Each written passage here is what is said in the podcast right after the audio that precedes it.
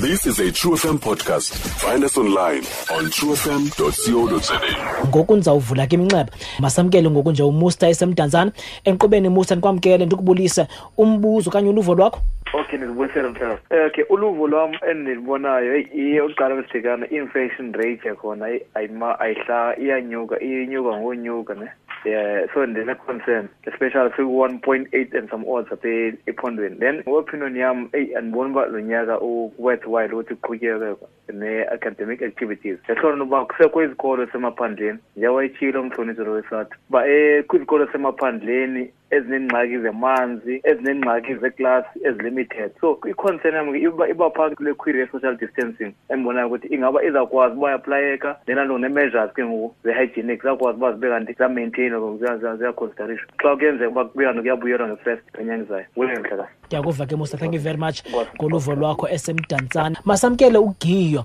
giyo e-o r tambo sikwamkele tata nkqubeni sikubulisa um eh, zimbini nje kuphela ayabonga izinto endinazo um kumphathiswa ndicela aze akaveze icandelo lento ye-psychometric um services i-alignment yabantwana i-alignment apha kusatu ndizawucela ukuba baze basivezele uba baziva njani xa kuzawuedwa abantu abatsha bezawuncedisana nee-main educators kuba ireality ithi le, le covid 19 ikakhulu kwitishala ezindala ndinexhala loba kuthiwa mhlawumbe kuzawuthiwa makubuyiswe otishala sebepension enkosi enkosi ke giyo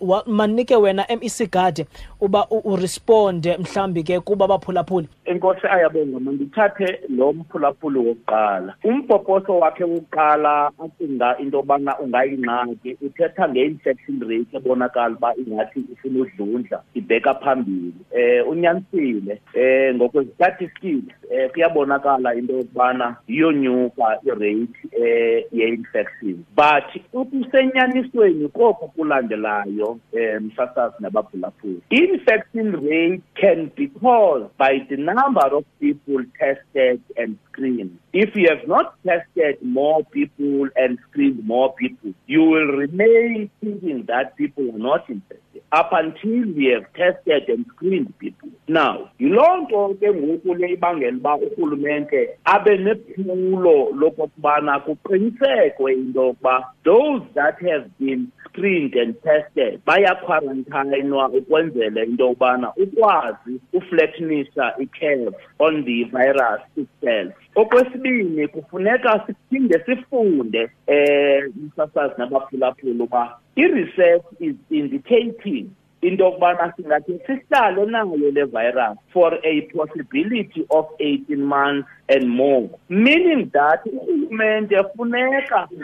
akwazi ukucinga outside of the box akwazi ukuthi senza kanjani ke ngoku njengoluntu lomzantsi afrika ukuphila within the conditions and circumstances of covid-19 yiyo loo nto urhulumente umva ngentetha yakhe esithi masikhusele ubomi babantu ngakwakhona sikhusele ne-livelihood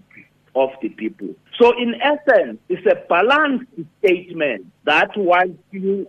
save lives, but equally you must save the livelihood. ngamanye amagama funeka ubomi bukwazi ukuqhubekeka nangona kukho loo micelimingeni okwesithathu kule nto ye-social distance ndisasazi nabaphulaphula kaloku umpoposho wethu njengesebe sithetha nge-phase in approach mm. of, re of reopening schools in the country. What does that mean? Ithetha ukuthi loo nto azibuyeli zonke eza grades ukuqala ku-grade r to grade twelve ngokwalapha kwa-basic education nge-first kajuni kubuyela ugrade seven and grade twelve meaning that kweza high schools zethu apha ephondweni kubuyela kuphela ugrade 12 it is ugrade twelve ozoocupya the entire school? ngelaa xesha occupya the entire school. i-research and also ne-analysis kagovernment iyayijonga ibehavior ye-virus as we proceed with the execution of the plan of government across all sectors so yiloo nto ke ndisithi ingangabi nguye umceli mngeni i-social distance xa kufikwa phayana esikolweni okay. kuba ihleli ingengomntu wonke ozobuyela pha ngokufanayo nalapha kwi-solar transport there are regulations as abhuleyitiweyo nguminista wakwatransport uba abantwana baza kukhweliswa kanjani bazaba safe kanjani kubheke esikolweni before ndize kweba uba umdingi ndicela sethi umphulaphuli uh, then you will respond to what the previous caller asked you uh, mphulaphuli ndiqobe ndikwamkele ndikubulise uluvo okanye umbuzo wakho eh, apho kumphathiswa kakhulukazi yeyiphi into esele yenzekile kwizicwangciso ezingumgomo wokubuyela ezikolweni kumcimbi odibene namandla esiwaziyo into yoba yitshalenji engamandla not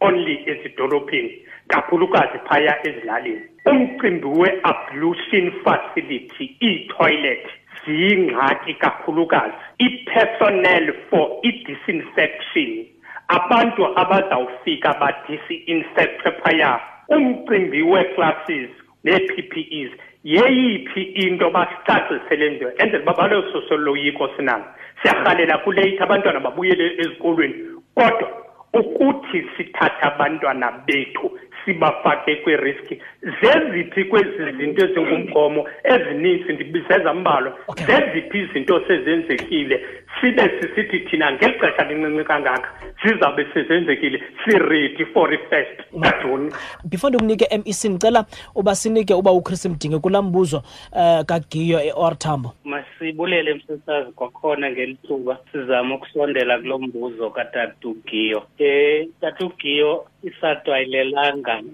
iguqe ngamadoda isatu iyijongile loo nto sinembali ke yokulwisana nale nto wena usenexhala layo futhi ke singazingombiza ukuba siyohlule loo nto kweli phondo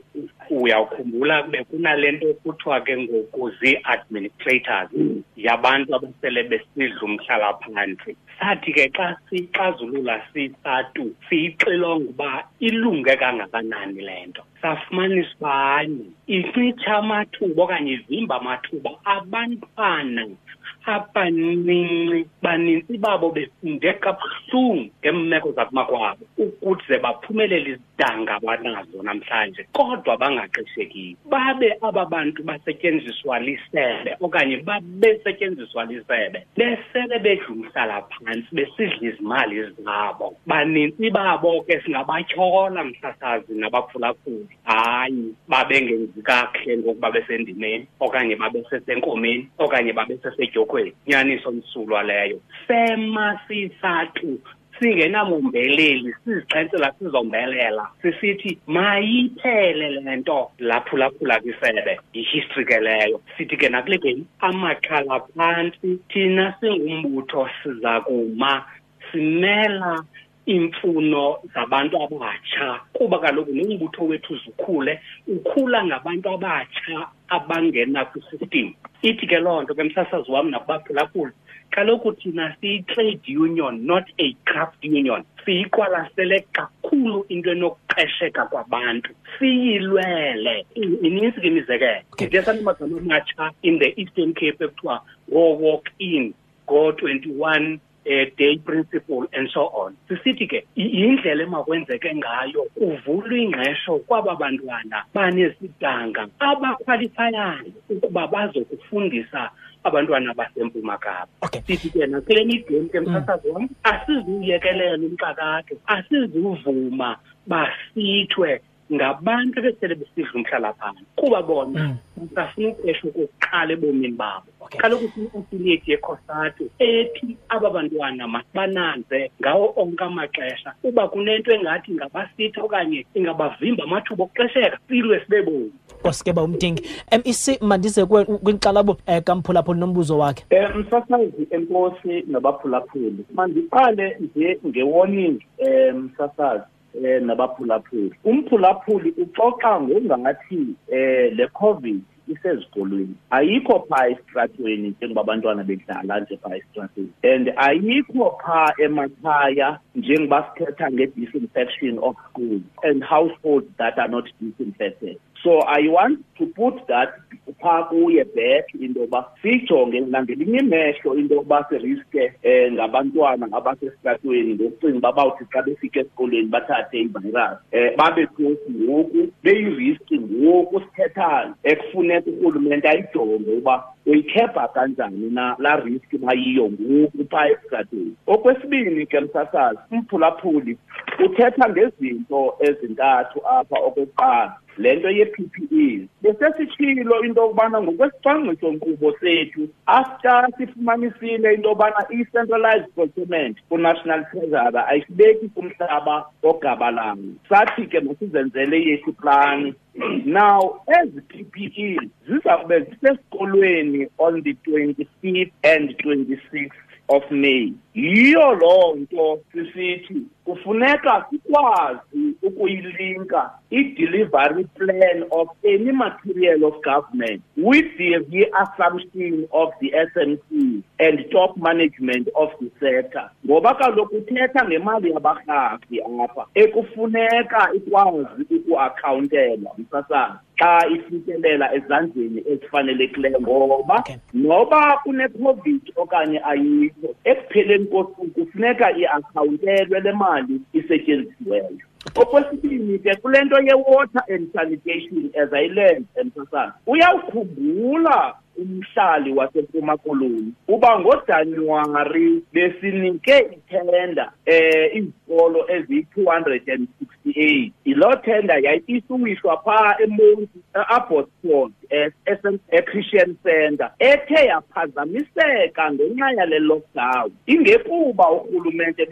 abayiqondi kule nto ayithethayo but because we operate on conditions that of not our own season kuyafuneka ke ngoku into yobana size nenye iplani eza kwenza into yokubana sikwazi ukuqhubekeka nokudilivarisha i-aspect as required by the constitution um sasazebabhubhu but by the first of ujuni izawube eh, ekhona amanzi ezikolweni can we be assured of that mec ndiyakuqinisekisisa um msasazi nabaphulaphula into yokubana ayiloxanduva likadepartment of education le ndithetha nawe nje ndiphuma kwenye intlanganiso ngoku an hour back ibixoxa ngeplani karhulumente wasempuma koloni ukuqinisekisisa into yokubana zonke ezi sectors education health agriculture local government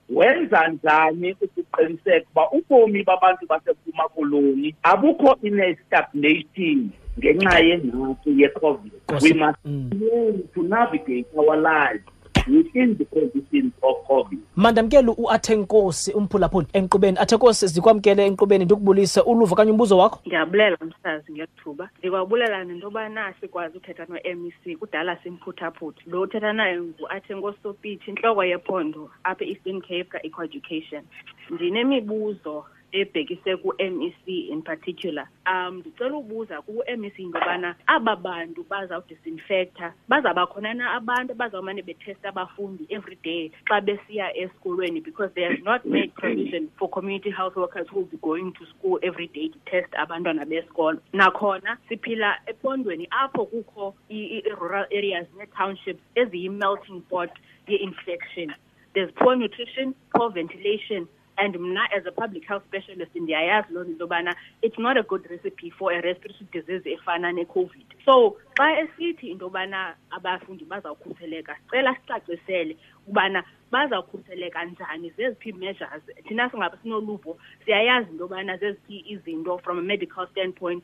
ezinokhusela abantu sicela sicaciselwe u-mec into yobana ziintoni kanye kanye eziza kwenziwa and by when because u-mec ebethembisile apho wathi into yobana the 72 000 sim cards and tablets that are going to be distributed to okay. ilena apho kuthe into yobana izawuaida i-learning from home andithi balontshe i-e-learning program yabo zingaphi because bethembise ngedeyithi engu-eight kame ingaba abantwana abahleli ngoku komakwabo bayakwazi na ukufunda kwitablet okay and nakhona ngicela uemsinza ndiphendulele loo mibuzo ndiyabulela nkosi kuyathe nkosi ngokumbuzo wakho masamkele unomtha enqubeni nomtha ndikwamkele ndikubulise uluvo okanye umbuzo wakho molweni msasazi nguthetha nonomtha yawa edowdraft msasazi ndicela ukubuza phaa kwe that njengokuba belungiselela ke oluvulo lwezikolo baye bafumanisa mos kwizikolo whereby umzekelo ugrade seven or ugrade twelve they have more than hundred learners then ke ngoku xa sibasasaza abantwana ngokuthewubela ke imithetho ye-social distance funeka ezi klasi ngoku zibe ninzi ewe ke mhlawumbe baza accommodateka kwezinye indawo kwezo klasi kuba kusaqala u-seven no-twelve but ke ngoku e-additional educators um isiziphi kuba kaloku andiva kusithiwa ngoku kubhizi ngee-interviews okanye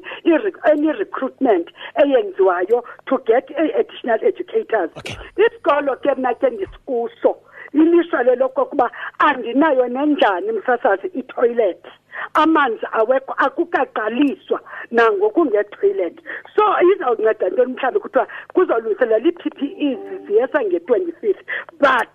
zibe iitoilet zingekho ndigqibezele ndiye kunobhala wam kasathu ucomrade umdingi phaya comrade xa sekufikelele xesha ndicela niphakame from iprovince yethu p w c kwehliwe kwiziwa kwi-r e c because cabana ukugula nje kukatishala niyayazi nizaba ngobokuqala okuba nifumane loo report thank you msasa nkosi nomtha Uh, before ndininike niphendule mandiye kunoma wethu enqobe noma wethu ndikubulisa ndikwamkela umbuzo okanye uluvo lwakho olrayithi bhutini nam ndiyabulela ndicela ubuza apha kuminista ukuthi njengobana nje besixalela ukuthi balungiselela amaresi i-daily screening iza kwenziwa ngobani na bakhona abantu abazabadiployena ezikolweni okwesibini njengoba ngathi benza isample ngoba njalo baka-grade seven abaka-grade twelve ithini into bazawutshintsha ngokufuneke ungene abantwana bo-grade six nakwezinye ii-grades because for sure i-congestion izakwenzeka ezikolweni are they going to provide i-mobile classes something like that okunye mhm. i-transport abantwana abakhwela kuzo are they gonna be sure ukuthi ziyasanitayizwa bazawujonga phaa amakheni abasuka kubo bangaba abantwana abathestiwe okanye abantu abathestiwe so ootishara izababekaphi ke ngoku laa risk nokuthi badibane nabantwana abasuka kula makhaya singazazi ukuthi baphume emakhayeni abanjani because nathi singootishara i think sizaziaffektha le nto ukuthi sibe nela nto kasifoli sidibane nabantwana everyday ndizawucela uba umdingi kuba ke umbuzo oza kuwe umnye nje ushwangathela uphendula ukuze sinuke MEC kuba ke yena imibuzo yakhe ingathi mininzi masi masibulele msasazi eh, kuwe nakubaphulaphuli ngelithuba kwakhona e, ukusondela kusisinomtha umama uyazi kulo myalezo wakhe ophezu kwexhala phofu lokuba kufuneka ke iphendulile cpwc siye kwi-rc zabo um lo mba uyi-national disaster siyayiva inkxalabo yakhe kodwa kufunekanga sigqadaze kakhulu phambi kwendlunkulu yethu xa sibuya sisiza apha eliphundweni besine-virtual meeting izolo zihlala zihlala ke ngemigqibelo ezi meeting belisinikile ke iphondo lethu likhokelwe yi-hod utatukotmani into ethi Umcimbi ngoku usezithilini nxakasana kuzawubizwa i-DEF. Ndicinga isaphi khona kuyoxoxwa ukuba kuyeka kanjani ekubeni bezi zinto ziyeka uba intetha zibe zizenzo bazawuthi ke ngokubona kulaa ndawo bakuyo ye-district ye-cm c basinike into yobana kule nikona kwenzeka oku akwenzeki okuya singene ncakasana ke ngoku singumbutho sisithi kodwa ziphatha mandla zesebe benithe kuzawuba nje sifumanwa le ngxelo akuhambi ngolu hlobo benisiqinisekise ngalo okay. nganimeni ke ngokutshutshisa abantu uba mababuyele mm. okay. utsho kumkhombandlela ngenxa xa besidlala singumbutho mec we, are, we have about four minutes uh, ah, ndiza kunika kodwa ithuba loba uphendule ke kubaphulaphuli nemibuzo yabo inkosi ayabonga um eh, masiqale phaa ku-art u-art uthetha nge-e-learning program le besi-upscaler ukuremodela i-schooling system in the province inyanisile siyigqibile art la program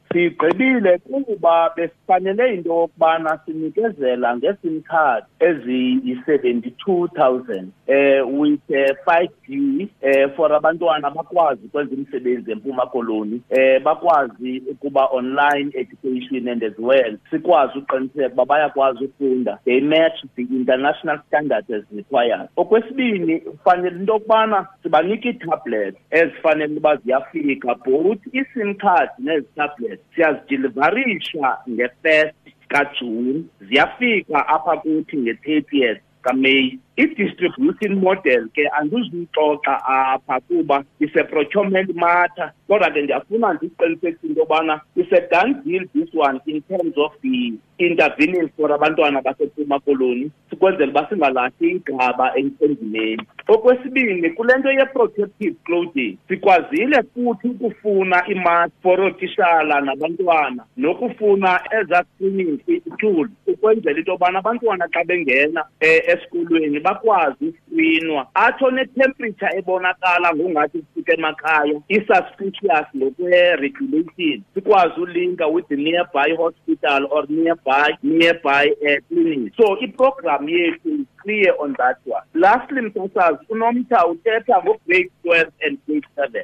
ubana ngaba kuzobakho i-congestion yiyo lowo nto kaloku sithetha nge-phase in approach and also an analysis of what, go, what is going to be the behavior of the virus as we proceed with the task ahead of us ayizuba khona i-congestion kuba kubuyeli wonke umntu phaa kubuyela ugrade twelve and grade seven sinaso ke isicwangciso-nkqubo sento yokuba siyothatha our-additional teachers kubunyanisile kule nto ayithethayo yokokuba once you break umzekelo e, eyi-class size ibingu-forty-five ngokwezistandards now ze-regulative mhlawumbi ifuneka ithatha u-twenty-five ithetha ukuthi loo nto you are going to have two teachers now instead of that one ibingu-forty or forty-five naleyo into has been taken care of iyafana naba banye underlying conditions of health uh, some of them above 55 and closer to 60 we will remember that government has been encouraging into yokubana laa cohort of the public servant ikwazi unikwa igwiba lokokuba ikwazi uphuma kwisistim ihambi yokuphumla emakhaya without a penalty from defenses that they have accumulated so iplani yiyona nto iyawusikhulula um eh, ngokucacileyo um eh, kulo mniba ikumila kunjalo umkhankasi nabagulaphuli yafuna ke ukutsho nje zayilenza into yokuba kulo mcimbi wetransport u-mec wakwatransport umama utikane gxothiwe ume mabhudu phaa kwelaa cala ebedibana nonoteksi i-IFC nabo bonke abantu abakula industry okay. ukuza nesiqubo ecacileyo ukwenzela uba xa kufikela xesha asithethi mva sithethe phambili mec gade mandibulele kakhulu ngexesha lakho noba ube kanti ubaletha enkqubeni namhlanje masibulele kakhulu ayabonga sibulele nakubantu basempuma koloni ngokungazibokuziqonda thank you um unobhala uchris mdingi tata thank you very much nawe ngexesha lakho ndiyabulela tata masibulele emsasezi kwam kuwe nakwisikhululo ngokubanzi ngexesha lenu nokusazi uba stakeholders khoyo kwisebe lezemfundo thank you very much stream true fm online on truefm co za sikho yonke indawo ngalo lonke ixesha like no one else